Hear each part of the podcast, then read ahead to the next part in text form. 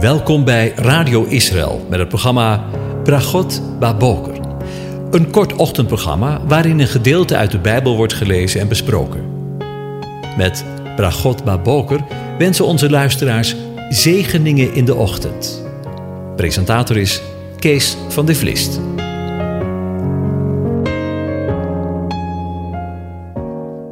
Goedemorgen, beste luisteraars.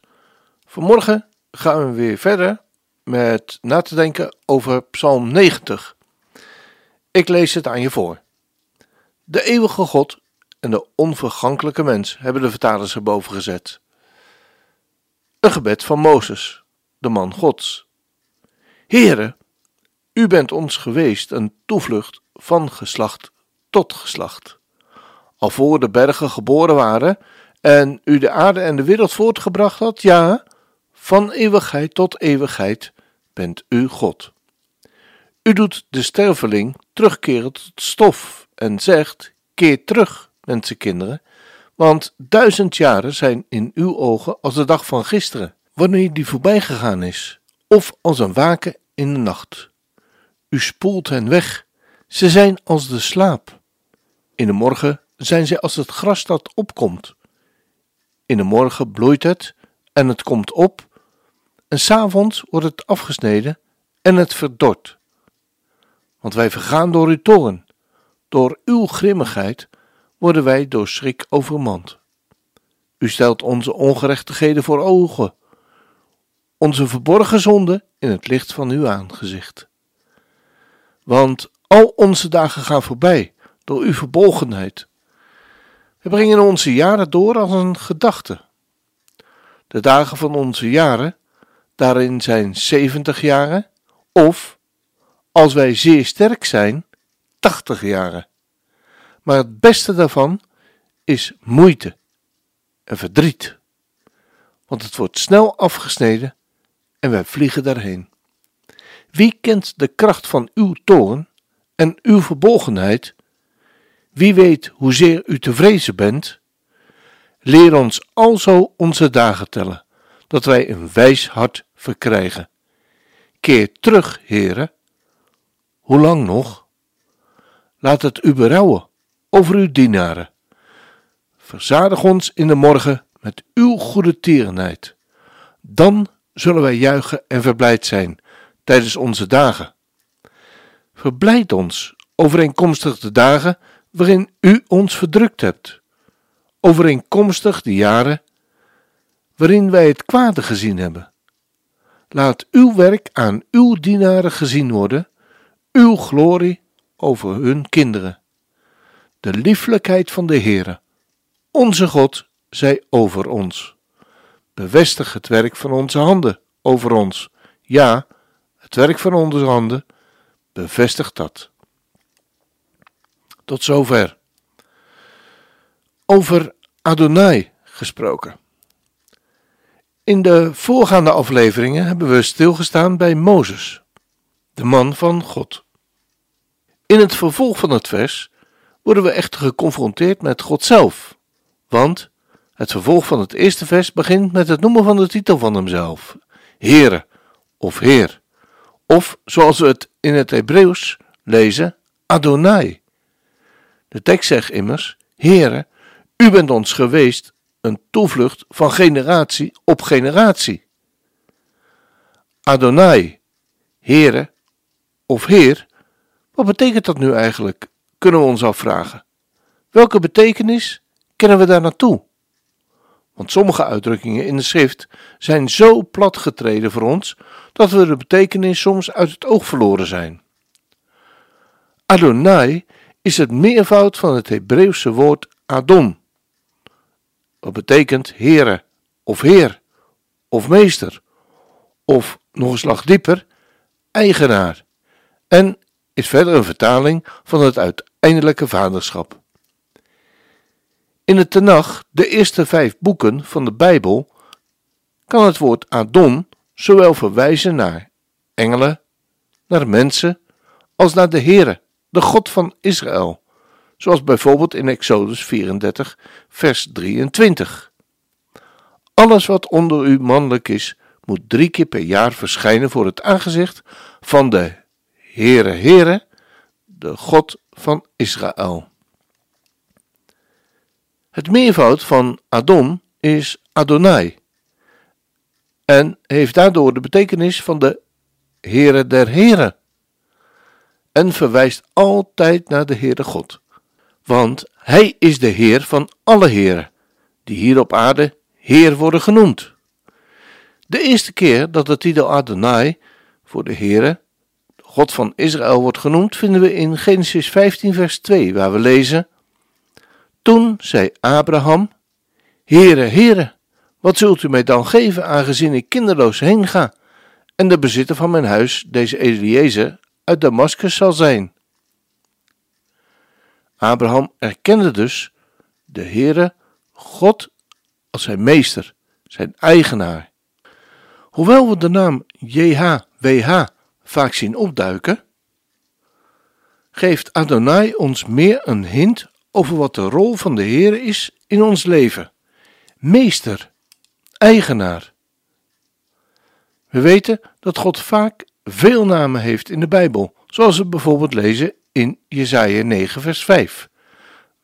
Waar we lezen, want een kind is ons geboren, een zoon is ons gegeven, en de heerschappij rust op zijn schouder.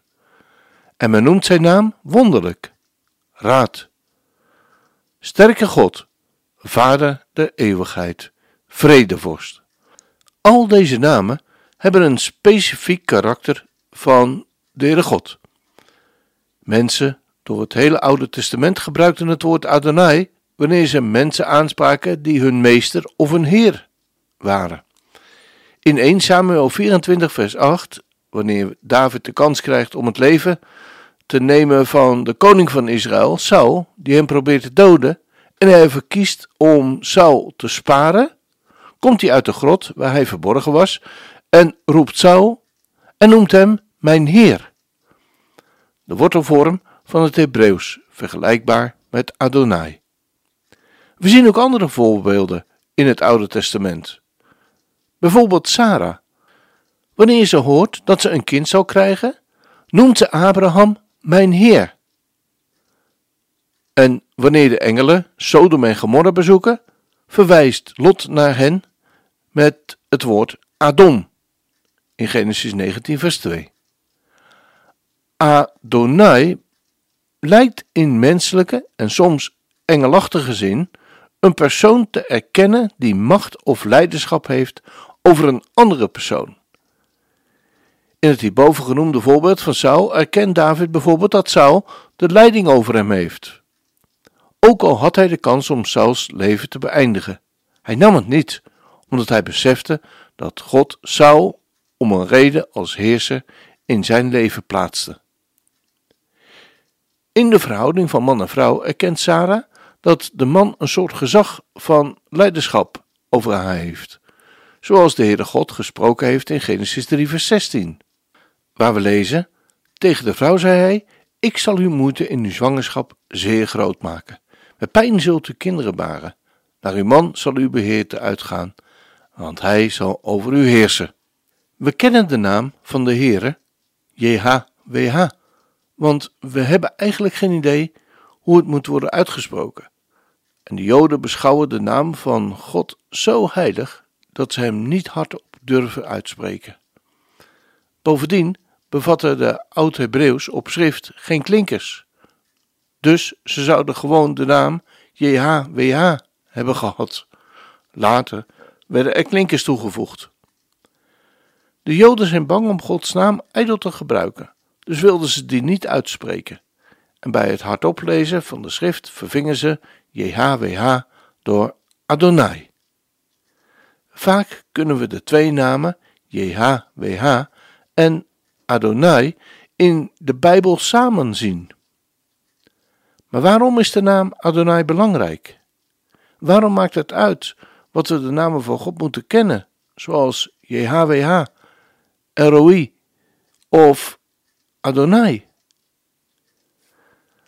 Het is belangrijk dat we de naam van God kennen, omdat de namen een belangrijke betekenis hebben in de Bijbel. Ze dragen een oorsprong en doel in iemands leven. Elke keer dat God iemand een naam geeft of iemand anders noemt in de Bijbel, verkondigt dat iets belangrijks over hun identiteit of over zijn plan voor het leven van die persoon. Dus als we namen van God leren, leren we over zijn eigenschappen. We kunnen hem beter leren kennen. Wat de titel van Adonai betreft, het leren van deze naam kan ons helpen erkennen dat God je meester, je eigenaar is en soeverein is over ons leven. Soeverein is misschien een oud woord, of een woord dat we niet zo vaak gebruiken, maar heeft een prachtige betekenis. Het recht van een bestuursorgaan om het hoogste gezag uit te oefenen zonder dat verantwoording verschuldigd is aan een ander orgaan. Inderdaad, Adonai is een soeverein God. Hij heeft het recht en mag het hoogste gezag uitoefenen over jou en over mijn leven, zonder dat hij verantwoording schuldig is. Inderdaad, God is een soeverein God. We kunnen niet handelen buiten zijn plan om. En ook geen menselijke of engelachtige Adonai kan dat plan dwarsbomen, als we lezen in Romeinen 8, vers 35 tot en met 39. Wie zal ons scheiden van de liefde van Christus?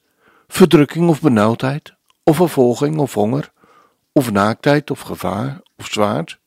Zoals geschreven staat, want op willen van u worden wij de hele dag gedood. Wij worden beschouwd als slachtschapen. Maar in dit alles zijn wij meer dan overwinnaars door Hem die ons heeft liefgehad. Want ik ben ervan overtuigd dat nog dood, nog leven, nog engelen, nog overheden, nog krachten, nog tegenwoordige, nog toekomstige dingen, nog hoogte, nog diepte, nog enig ander schepsel ons zal kunnen scheiden van de liefde van God, die in Christus Jezus onze Heer is. Als dat geen zegen is, we zullen bidden. Adonai, een dag met u is beter dan duizend in de paleizen van de koningen. U bent onze, mijn Adonai, mijn Heer en Meester. U roept mijn naam en een vloed van vreugde stroomt over. U beheerst mijn leven. Er loopt bij u, bij u helemaal niets uit de hand. Daarop mag ik vertrouwen en rusten. U bent mijn Heer. En ik prijs u vandaag. Amen. Dan heb ik vandaag gekozen voor het lied Gadol Adonai. Gadol betekent groot, dus groot is de Heere. Groot is Adonai. Het wordt gezongen door Sarah Lieberman, een bekende zangeres in binnen- en buiten Israël. Groot is de Heer en zeer te prijzen in de stad van onze God op de berg van zijn heiligheid. Ik zal naar het altaar van God komen, tot God mijn buitengewone vreugde. Ik zal de vrucht van mijn lippen als een offer brengen en onthoud de geweldige dingen die u voor mij hebt gedaan. Zie, de tabernakel van God is bij de mensen. Ze zullen een volk voor hem zijn. Hij zal elke traan van hun ogen afwissen. En verdriet en rouw zullen er niet meer zijn. Halleluja voor de Heer. De koning is onze God. Halleluja voor de Heer, de God van de Heerscharen. Wij zullen ons verheugen en blij zijn en Hem eer geven. We gaan luisteren.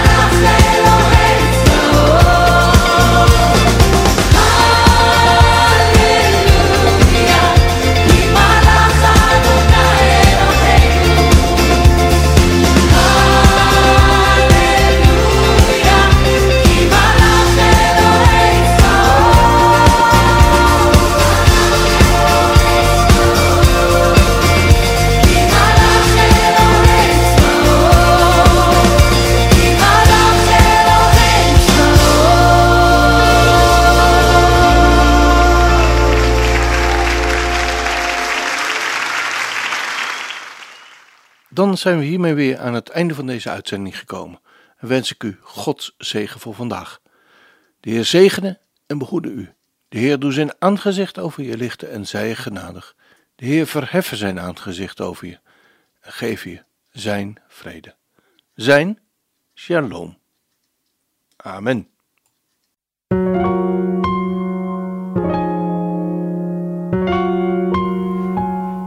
U hebt geluisterd naar het programma Bragot Baboker.